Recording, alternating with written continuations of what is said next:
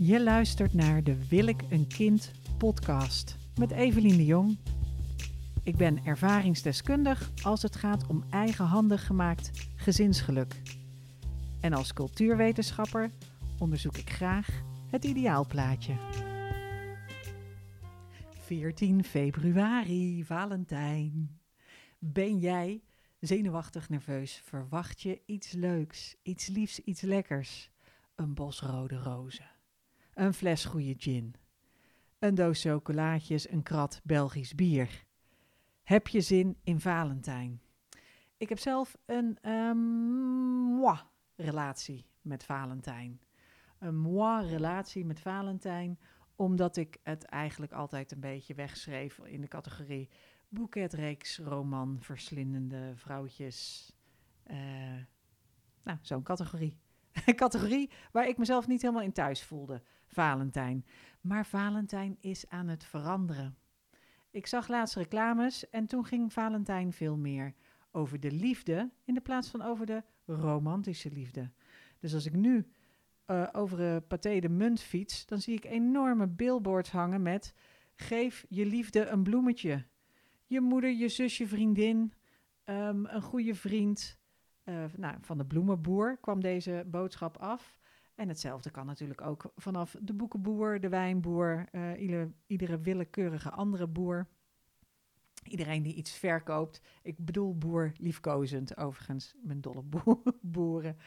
Um, maar iedereen die iets te verkopen heeft en Valentijn wil gebruiken als aanknopingspunt, richt zich een tikje meer op niet de romantische liefde, maar gewoon de liefde.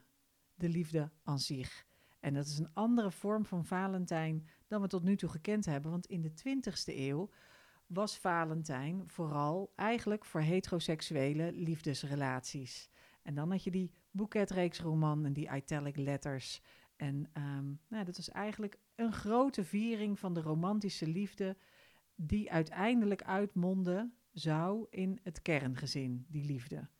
Dus Valentijn vierde eigenlijk de paringsdans voordat het kerngezin er was. En dan was het ook nog een reminder dat als je in zo'n kerngezin zit, een kerngezin is een vader, een moeder en kindjes, die allemaal samen in een huis wonen. Maar als je in zo'n kerngezin zit, dan was de idee, dan uh, kun je met Valentijn nog even een keer een bosje bloemen geven. Want uh, ja, god, moeder de vrouw mag ook wel eens een bedankje krijgen. Ik ben bang dat het ongeveer zo in elkaar stak in de 20ste eeuw. Valentijn. Uh, mijn persoonlijke Valentijnservaringen zijn niet heel denderend. Ik kreeg een keer een fantastische bos met rode rozen. Nou zijn dat niet mijn lievelingsbloemen, maar ik was ook nog student en ik kwam dronken thuis en ik struikelde over die doos. En ik was een, uh, uh, nou ja, en dronken en pissig dat er geen vaas bij zat. Want ik was niet een student met een vaas. Ik weet niet of dat er studenten heden ten dagen, die hebben vast een bloeman abonnement met een gratis vaas erbij. Maar ik had geen vaas, ik kreeg die rozen. En de man van wie ik die rozen kreeg, die ken ik nog wel. Ik heb er bijna geen contact meer mee. Uh, heel leuk vent, uh, interessant, muziekkenner.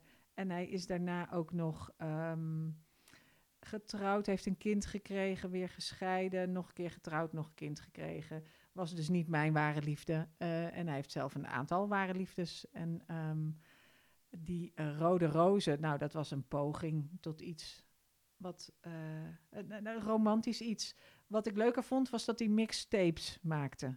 Of toen heb je eigenlijk, had je cd'tjes. Dat was, die, die schijnen ook weer terug te komen, de cd'tjes. Maar dat je een cd'tje maakte met allemaal ontzettend goede nummers erop. Dat heb ik heel lang gedaan. En dat zou ik nog wel willen doen, behalve dat je nu dan stickies zou moeten maken. En ik maak wel eens afspeellijsten voor mensen op Spotify. Maar de show is er een beetje vanaf, hè?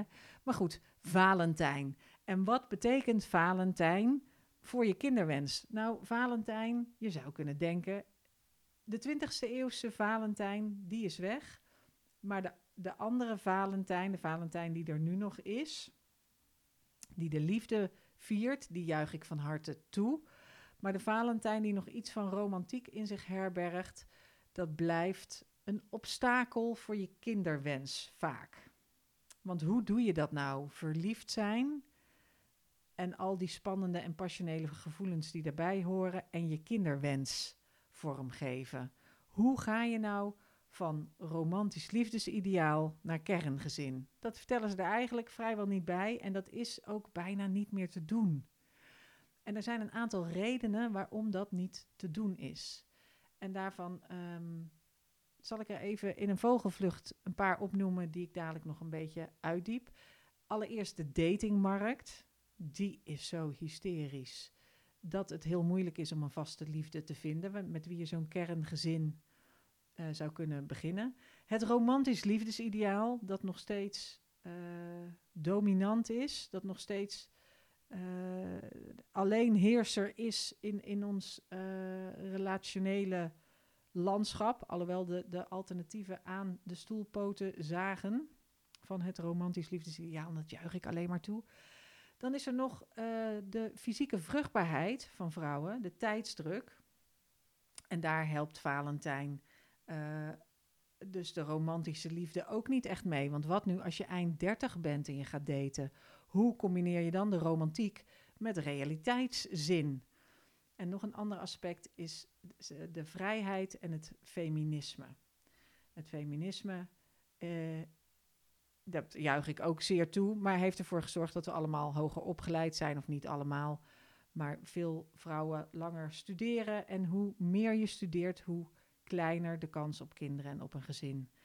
En de toegenomen vrijheid, die is natuurlijk fantastisch en geweldig. Tot slot de toegenomen vrijheid. Maar toegenomen vrijheid betekent natuurlijk ook gewoon keuzestress. Deze aflevering gaat over Valentijn en heel specifiek over Valentijn en je kinderwens. En ik ga het hebben over hoe Valentijn verandert, aan het veranderen is. Ik wou zeggen veranderd is, maar dat is nog niet helemaal een voldongen feit, een voltooid proces. Maar ik heb het idee dat Valentijn aan het veranderen is van een heel romantisch feest dat de romantiek viert naar een feest wat meer de liefde en de verbinding viert. Een ontwikkeling waar ik op zich heel blij mee ben. Maar Valentijn is een beetje aan het veranderen en dat komt ook omdat ons idee van relaties aan het veranderen is. En dat is een heel belangrijk gegeven voor je kinderwens. Want hoe verhoudt een kinderwens zich tot de datingmarkt? Hoe verhoudt een kinderwens zich tot het romantisch liefdesideaal? Hoe verhoudt je kinderwens en je fysieke vruchtbaarheid zich tot de liefde? Hoe verhoudt de vrijheid zich tot verbinding? En hoe verhoudt uh, het feminisme en gelijkwaardigheid zich tot een spannende uh, relatie en een kerngezin? Dat zijn uh, enkele van de onderwerpen die ik wil gaan aanstippen in deze podcastaflevering over Valentijn. Zoals gezegd had je vroeger een kerngezin. En in dat kerngezin, vader, moeder, uh, twee kindjes, 1,7 kind, was de rol van de vrouw duidelijk. De vrouw was moeder en huisvrouw. Dat waren de twee dingen die ze deed. En ik zit nu te kijken naar een serie over een woongroep in de jaren 80, waarin ik alle muziek herken. En ook wel um, dat je een Walkman had waar bandjes in konden, cassettebandjes. En zo nog een paar van die uh, jaren 80 dingen die ik herken. Wat ik absoluut niet meer mezelf kan herinneren, is hoe een dominante man uh, vrouwen onder de knoet houdt en alleenheerser is. En dat die vrouwen dat allemaal oké vinden. Ik kan me dat gewoon bijna nu niet meer voorstellen. Maar in een kerngezin was die rol van de vrouw, dus zij zijn opgegroeid in de jaren 50, dat zijn mijn ouders. Jaren 50, jaren 60. Ik denk natuurlijk als je denkt aan de jaren 60, dan denk je, oh, peace, love, happiness, de hippies en uh, vrijgemaakte uh, rock en roll, uh, zelfstandige vrouwen. Maar eigenlijk was dat natuurlijk voor de merendeel van de vrouwen was dat niet zo. Uiteindelijk gingen de meeste vrouwen gewoon nog trouwen en samen kinderen krijgen. En dan stopten ze met werken als ze al aan het werk waren. Overigens nog tot de jaren 50 toe, tot in de jaren 50, nee de jaren 60 zelfs, moesten vrouwen stoppen met werken als ze gingen trouwen als je voor de overheid werkte, dan mocht je als getrouwde vrouw niet je baan behouden als je ging trouwen, want dan werd er van je verwacht dat je de rol van huisvrouw en moeder eh, dat je het huishouden ging bestieren. Dat was, dat was de idee. Dus dat was in de 20e eeuw. Als we dan eventjes fast voorwaarden naar 2022, dan heb je nu een datingmarkt die echt ongelooflijk is. Je date onder hele hoge druk. Er is een uh, ongelooflijk interessant, edoch ongehoord, ingewikkeld, complex en moeilijk boek. Waarom liefde eindigt. Een onderzoek naar relaties in de 21ste eeuw. Van, uh, ik ben even de auteur vergeten, ik zal het in de show notes zeggen, zetten. Waarom liefde eindigt. En um, zij gaat in op de invloed van zoiets als de datingmarkt op hoe wij relaties beleven. En hoe dat relaties beïnvloedt in de 21ste eeuw. En wat het doet, in het heel kort gezegd, is dat het daten onder hoge druk zet. En het zet je relatie onder druk. Want eigenlijk zoek je de ware die helemaal bij je past, die voor altijd bij je past. Dus het is een alles in één oplossing voor altijd. Nou, de woorden alles in één en altijd zijn eigenlijk allemaal triggerwoorden dat je denkt, er moet een alarmbelletje gaan rinkelen, want het is, uh, dat, dat soort dingen zijn niet waar. Dingen zijn niet alles of niets of ooit of nooit of dat hele zwart-witte, dat is niet, dat is bezijden de realiteit. Dat is niet iets wat in werkelijkheid echt een haalbare kaart is. En wat het ook doet, is steeds jou voorhouden dat er ergens anders iets beters is dan wat je nu hebt. En van de ene kant promoot de datingmarkt heel erg dat ideaal. Er is ergens een ware liefde en die kun jij hier bij ons vinden. Op Relatieplanet, op Lexa, op Parship kun jij je ware liefde vinden. Vul je profiel in, wij matchen jou en dan ben je je leven lang gelukkig. En tegelijkertijd, als je eenmaal iets ingevuld hebt en je bent aan het daten, schuift er iedere keer weer opnieuw een nieuwe kandidaat. En er worden er zoveel mogelijk matches gemaakt. Maar uiteindelijk is het er helemaal niet op gericht om kerngezinnen te creëren of stabiele relaties of ehm, veiligheid en geborgenheid en lange termijn eh, verbindingen te maken. Daar is die datingmarkt helemaal niet op gericht. Datingmarkt ken, kenmerkt zich juist door een ontzettende dynamische, uh, hoog tempo, veel aanbod, veel verandering. En met die dynamiek samen verkopen ze ook nog dat fixed idee, dat vast omlijnde uh, ideaalplaatje waar iemand aan moet doen. En dan krijg je dus dat dat romantisch liefdesideaal is hetgene wat je koopt, maar het is ook hetgene wat je verkoopt. Dus je zoekt de ware die bij jou past. En hij mag wel wat afwijkingen uh, hebben, maar dat moeten dan afwijkingen zijn die precies bij jou passen. En je zoekt dus eigenlijk een match. Iemand uh, die net zo gek is als jij uh, gek bent. Zo zei Alain de Botton het. En um, Esther Perel heeft daar ook net een stuk weer over geschreven. Dat het zo. dat we te veel verwachten.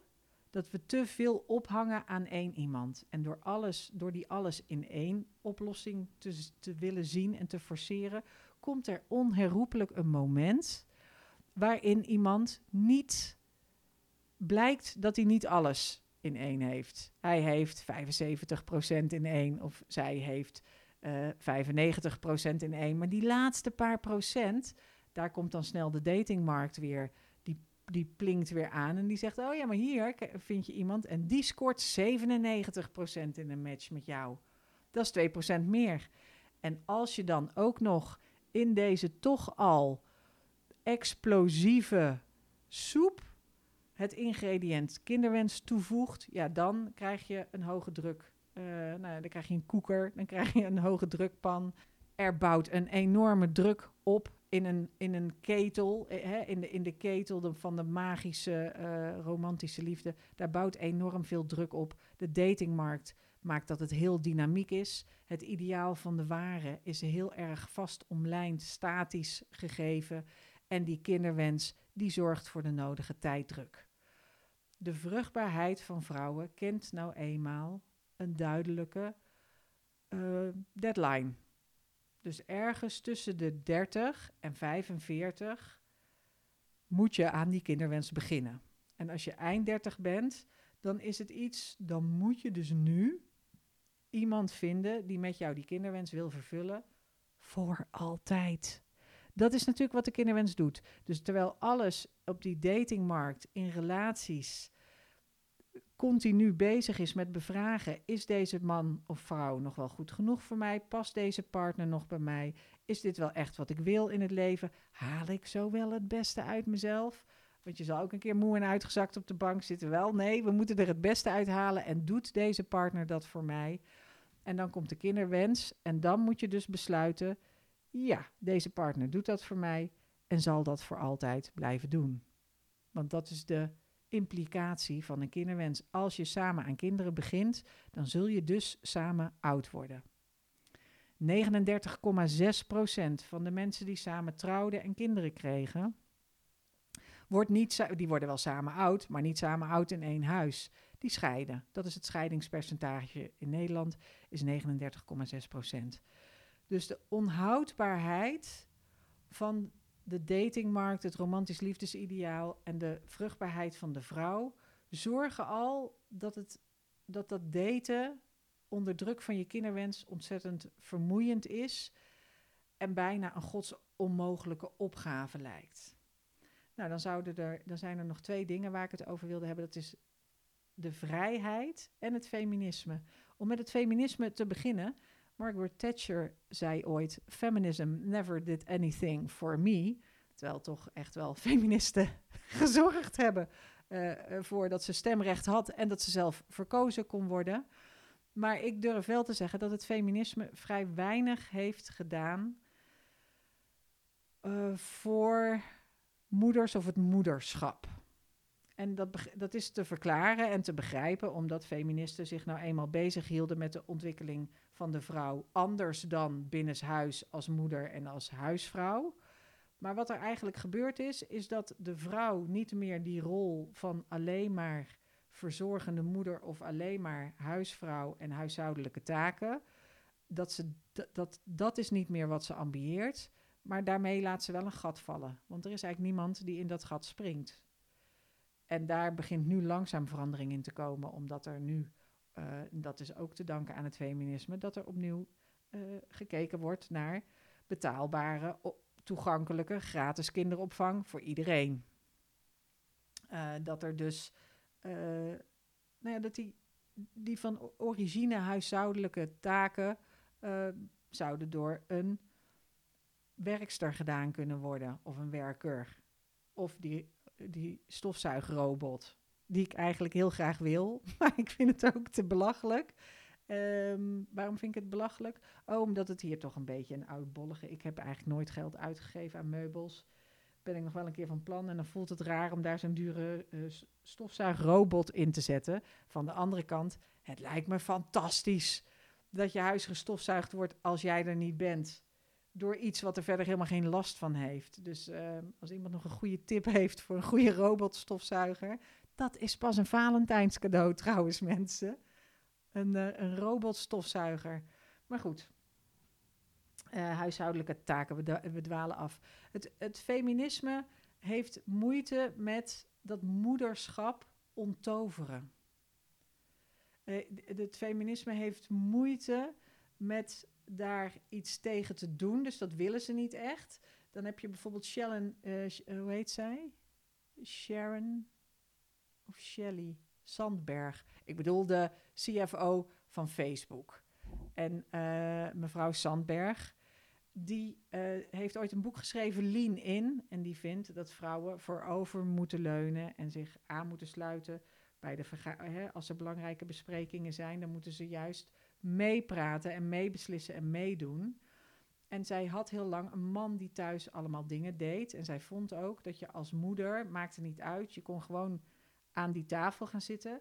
En toen haar man overleden is, heeft ze een soort herstelhoofdstuk op dat boek voor dat boek geschreven. Omdat ze zei, ja, als je niet een partner hebt die je daarbij helpt, dan kun je onmogelijk inleenen. Je kan niet lean in doen als je niet thuis, als er niet thuis iemand de boel in de gaten houdt.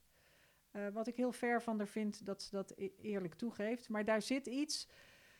En ik vind het, het is natuurlijk ook helemaal vrije keus. Als jij wel graag thuis wil zijn voor je kinderen en het huishouden wil doen, dan wil ik daar hele, dan vind ik dat prima. Dan juich ik dat van harte toe. Ik ben ook helemaal niet een Helene Mees aanhanger die zegt van uh, vrouwen moeten fulltime gaan werken en iedereen moet aan de bak en uh, je kunt niet met je hoge universitaire opleiding thuis gaan zitten. Daarvoor ben ik te wars van het kapitalisme. Ik woon wel nog steeds. Ik neem deze podcast op in mijn linksradicale biologisch-vegetarische woongroep. Ik kan gewoon niet. Ik vind niet dat iedereen keihard moet werken 40, 50, 60 uur in de week. En ik begeleid heel regelmatig succesvolle vrouwen dus uh, carrièrevrouwen, die enigszins verbaasd zijn dat dat privéleven niet van de grond komt, omdat ze daar te weinig tijd en ruimte voor maken. Dus als je een, een baan hebt of een beroep zoals piloot, chirurg, rechters, um, ook huisartsen, psychologen, als de werkdruk heel hoog is en je maakt enorm veel uur, dus meer dan 40 uur per week, dan is het heel moeilijk om te gaan bedenken: wat ga ik doen met die kinderwens? En het is prima om ervoor te kiezen. En dat is iets wat wel, dat sluit dan weer aan op de vrijheid. Je hebt de vrijheid om te kiezen wat je wil. Je bent helemaal vrij, ook als vrouw, om niet kinderen te nemen. Ik zeg die zin heel krom en ik wilde hem ja, is de enige zin van deze podcast die er gewoon in één vloeiende beweging uit zou moeten komen. Kindvrij is een volwaardige optie voor alle mensen, ook voor mannen en helemaal zeker weten voor vrouwen. Als je geen zin hebt om moeder te worden, dan heb je het boek Spijt van het moederschap. Dat is van uh, Donna Ornat. En zij is een Israëlische sociologe en zij interviewt allerlei vrouwen in Israël die spijt hebben van het moederschap. En er zit een groot verschil tussen eh, spijt van het moederschap, dat triggert nogal wat taboes bij mensen, omdat ze denken je mag geen spijt hebben van je kinderen, maar het is dus iets anders. Het betekent niet dat je spijt hebt van de kinderen van de nieuwe mensen die je gemaakt hebt. Het betekent dat je spijt hebt van de, van de taakomschrijving die bij het moederschap hoort. En dat uh, dat je spijt hebt van die taakomschrijving die bij het moederschap hoort. Daarvan merk ik dat heel veel vrouwen tegenwoordig ook twijfelen, omdat ze denken: ja, hoe leuk is het? Dus het ziet er schattig uit, zo'n kind. Maar je kan er eigenlijk geen volwassen gesprek mee voeren. De, het is een kind. Um, het is chaos, terwijl je eigenlijk misschien zelf wel houdt van rust en regelmaat. Het uh, beperkt je vrijheid enorm. Dus als je er eenmaal voor gekozen hebt, het is onomkeerbaar. Je kunt niet terug. Als je eenmaal gekozen hebt voor een kind, dan is dat kind er. Dan zul je daarmee moeten doen. Dan is je leven voor goed. Ben jij de ouder van een kind? Dan kun je niet terug uh, iets aan veranderen. Um, en die vrijheid om te kiezen uh, is heel mooi, maar het is ook, het betekent ook keuzestress omdat je onmogelijk kunt overzien wat de transitie je zou brengen als je zou kiezen voor het moederschap. Maar je kunt even zo goed niet overzien wat er gebeurt als je niet kiest voor het moederschap.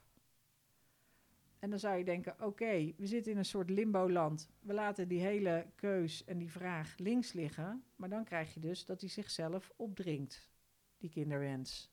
Dus die, komt die komt vanzelf mee. En dat betekent ook dat als je gaat daten eind 30, dan neem je die kinderwens en die verwachting, ook als je het niet wil. Dus er zijn heel veel vrouwen. Het enige, ik denk dat ik misschien wel één à twee keer per week hoor van een dame. Ik wil niet daten met de kinderwens onder mijn arm, omdat ik dat te veel druk vind leggen op het eigenlijk hele romantische spel op het rozen krijgen, op het Valentijnsidee, op de romantiek, op het, op het sappige, uh, spelende, prikkelende, op de prille fase. Daar wil je niet die kinderwens op tafel schuiven. En dan krijg je dus de situatie dat Valentijn, het hele idee van romantische liefde, Valentijn, en je kinderwens, daar zit een spanning tussen. Dat vormt een probleem. Het romantisch aspireren, de romantische verwachtingen en het verlangen naar een dagelijkse gang van zaken intensief twintig jaar lang met elkaar delen, dat bijt elkaar. En uh, dat probleem, ook als je, als je er omheen probeert te gaan, ook als je denkt bij jezelf van ja, maar ik wil niet daten met die kinderwens onder de arm. Ik ga gewoon zonder kinderwens daten. Dan zul je zien dat hij op de een of andere slinkse manier toch in je handtas kruipt. Dat hij toch in je binnenzak zit. Dat je toch, als je een paar maanden aan het daten bent, of nu een Valentijnscadeau verwacht, dat toch die kinderwens op je schouder zit en in je oor fluistert: Is dit hem? Is dit hem voor altijd? En ehm, die, omdat die druk, het is en allemaal heel, dingen zijn wankel, flexibel, uh, vluchtig, ze vloepen weg. Dat is wat die datingmarkt doet. Dat is wat het ideaal doet. Uh, en en, en de, de tijdsdruk maakt eigenlijk dat je heel vroeg al overal op begint te drukken. Zo moet je het een beetje zien. Alsof, alsof het dingen zijn die makkelijk wegvloepen. Dus wat je zou willen is dat ze de ruimte geven. Ruimte voor groei. Ruimte om wortel te schieten. Ruimte in tijd. En ook misschien wel ruimte in echt uh, samen zijn. Dus je wil niet meteen gaan samenwonen. Maar ja, als je die kinderwens meeneemt en denkt: oké, als we aan kinderen willen beginnen, moeten we daarvoor samenwonen. Ik zou graag een half jaar willen samenwonen. Hè? Om een beetje te weten, hebben we nog maar twee seizoenen gehad hoe het is om met jou samen te wonen.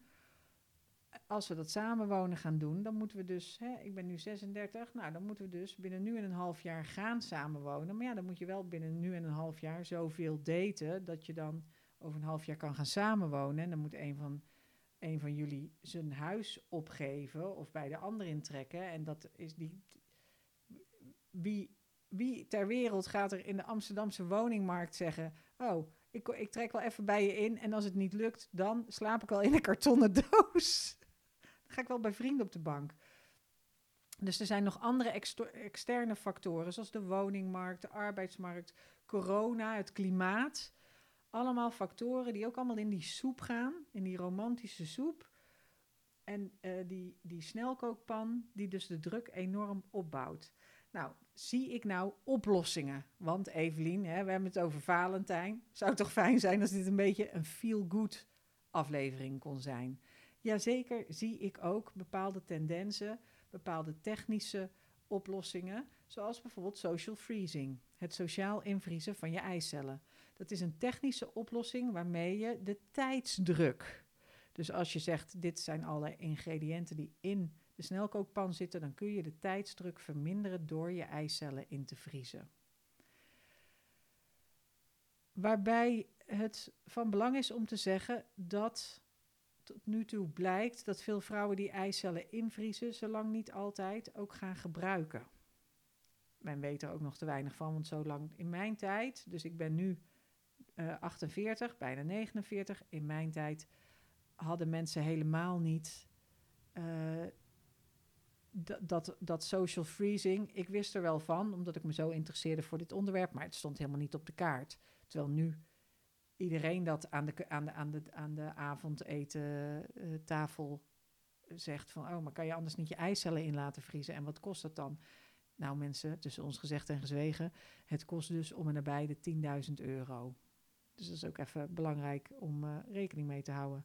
Dat zijn dan drie uh, behandelingen van 3000 euro elk. Maar goed, een technische oplossing om de tijdsdruk te verminderen is social freezing, dus het invriezen van je eicellen. Een andere oplossing is om het moederschap te onderzoeken. En dat is een. Vroeger was het veel meer vanzelfsprekend. En er waren misschien een paar vrouwen die zeiden: Nou, het moederschap is absoluut niet voor mij, ik begin er niet aan. En je had vroeger de oude vrijsters. Dus mijn moeder had een tante, tante Angeline. En die was gewoon thuis gebleven, want dat was degene, dat was de oudste, die moest voor de ouders zorgen. En die was dat natuurlijk eigenlijk ook al, die was dus zelfs het wel lijfeigenaarschap was het gewoon. De oudste dochter, die zorgde voor de ouders en die bleef ook thuis om voor die ouders te zorgen, terwijl de rest allemaal uitvloog en andere dingen mocht gaan doen. Maar uh, van haar was het de bedoeling dat ze dan thuis uh, ja, voor die ouders bleef zorgen. En uiteindelijk is zij onderwijzeres gaan worden en, en heeft ze allerlei reizen gemaakt en had ze een hartstikke leuke man.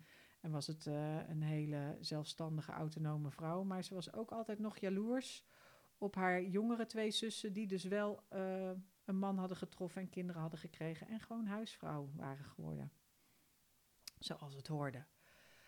Um, de, zelfspreek, de vanzelfsprekende verwachting van het moederschap, daar wordt aangemorreld. Je ziet nu dat het overgrote deel van de mensen die geen kinderen krijgt en van de vrouwen die geen kinderen krijgt, dat zijn vrouwen die er gewoon nooit expliciet voor gekozen hebben en eigenlijk onbewust in een, in een bestaan zonder kinderen zijn gerold.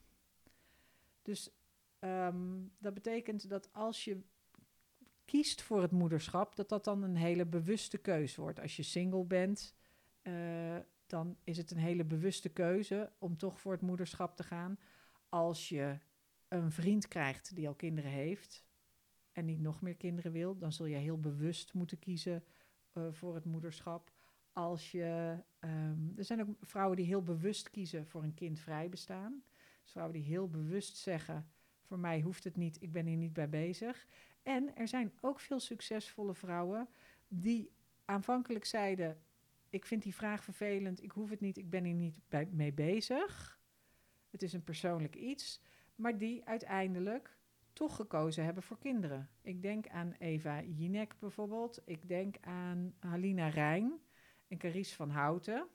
Die hebben ooit eens een boekje geschreven waarin ze zeiden van nou, moederschap, kinderen, we zijn er gewoon helemaal niet mee bezig. En een paar jaar later kwam Halina Rijn met uh, OK-vrouw, dus OK-vrouw in de morgen, ongewenst kinderloze vrouw. En dat dat iets is wat ze dus heeft meegemaakt. En uiteindelijk heeft ze nu nog steeds geen kind, maar is ze volgens mij... Uh, nou ja, dat zal, ze zal ook goede en slechte dagen hebben, want het is gewoon een mens. Een mens met fantastische tetten. Daar gaat het helemaal niet om. Kom, voor je Evelien, niet zo seksistisch. En het is een goede actrice, want ik heb haar ook gezien spelen hier in de stad Schouwburg. Het is een topactrice. Um, maar Halina Rijn komt op mij over als iemand die ook een heel prettig leven heeft zonder kind. En dat geldt natuurlijk ook voor, hoe heet ze, uh, van Brad Pitt en uh, Friends, Allison, heet Jennifer Aniston. Jennifer Aniston. Ik ben ineens de, de de, de rich and famous uh, kom ik niet meer op. Jennifer Aniston zegt nu pas, nu ze al uh, een eindje in de 50 is, dat zijn hele moeilijke jaren voor mij geweest. Want blijkbaar heeft ze wel met die kinderwens is ze wel bezig geweest, maar is dat helemaal niet. Uh, daar, daar, is, dus, is ze niet moeder in geworden. En nu pas spreekt ze dat af en toe uit, dat dat toen een moeilijke tijd voor haar was. En toen had ze natuurlijk volkomen gelijk in dat ze helemaal niet de vuile was ging buiten uh, hangen. En dat ze zei, bemoei je er niet mee.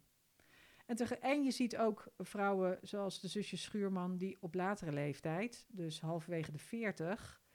ineens nog een kind krijgen alsof het de gewoonste zaak van de wereld is... wat dus niet de gewoonste zaak van de wereld is. Statistisch, medisch, wetenschappelijk gezien is het heel raar... dat je zo makkelijk nog een kind krijgt op je 45ste... en er zo relaxed uh, over denkt. Um, maar het wordt meer een bewuste keuze. Dus vroeger was het vanzelfsprekend. Het was iets waar je niet over nadacht. En het was iets waar je vanzelf inrolde. En dat, nu wordt het een bewuste keus. En als je de keuze niet maakt, niet kiezen, is eigenlijk ook een keus. Je hebt het geweldig goede boek. Echte vrouwen krijgen een kind. Ik raad het boek met enige regelmaat aan. En ik krijg vrijwel altijd terug te horen van vrouwen dat ze het een heel prettig boek vonden en dat ze zich er minder eenzaam door voelen. Dat ze zich begrepen voelen en dat het minder alleen maakt uh, door te zien dat zoveel vrouwen. Kijk, moederschap was heel lang verbonden aan die romantische liefde en dan ging het vanzelf. Een kind als bekroning op de liefde. Dat is dat 20 eeuwse Valentijn. Dat is wat we vroeger deden. En dat is dat zit nog in onze hoofden. Die verwachting is er nog van, oh ja, dat zal dan vanzelf gaan. En bij sommige mensen gaat het vanzelf. En bij heel veel mensen gaat het eerst vanzelf en daarna gaat het vanzelf mis. Hè, bijna de helft. Dus, maar dat vanzelfsprekende gaat er langzaam van af. Het vanzelfsprekende gaat er van af en dat biedt heel veel vrijheid en heel veel kansen. Maar het verplicht ook tot het maken van een keuze. Want het niet kiezen, het, het, ehm, het onbewust door laten sudderen is en heel moeilijk. Want die kinderwens dringt zichzelf op en je gaat ermee aan de slag in weerwil van jezelf. Dus je wordt op een dag huilend wakker en je denkt, wat de fuck, waarom heb ik dit ineens? En vaak zit er in de maanden ervoor, in de jaren ervoor, begin je er al over na te denken en ga je er al mee aan de slag. En in mijn visie, in wat ik zie gebeuren, is er een tendens in de samenleving dat vrouwen kijken van oké, de omstandigheden zijn er niet naar. Vanzelf staat in ieder geval niet op de agenda.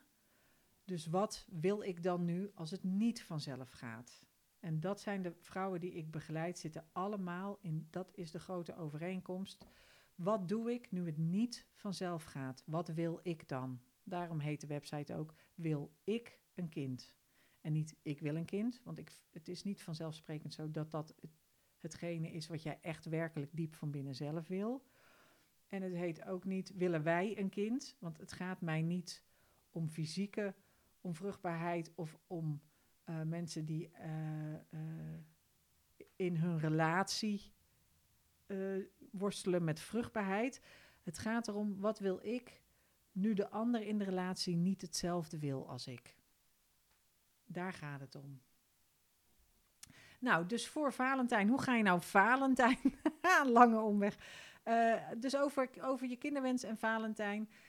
Valentijn zoals het vroeger gevierd werd, zo wordt het nu dit jaar denk ik al niet meer gevierd. En in de komende jaren zul je nog meer zien dat Valentijn gaat vieren vriendschap, familie, liefde, uh, verbinding. Op andere manieren dan de romantische alles in één voor altijd oplossing. Dus die ware liefde, dames, die ware liefde is niet meer de ander. De ware liefde ben jezelf. Ik schreef, um, ik werd genoemd in het Nederlands Dagblad, dat is de, de krant voor Christelijk Nederland.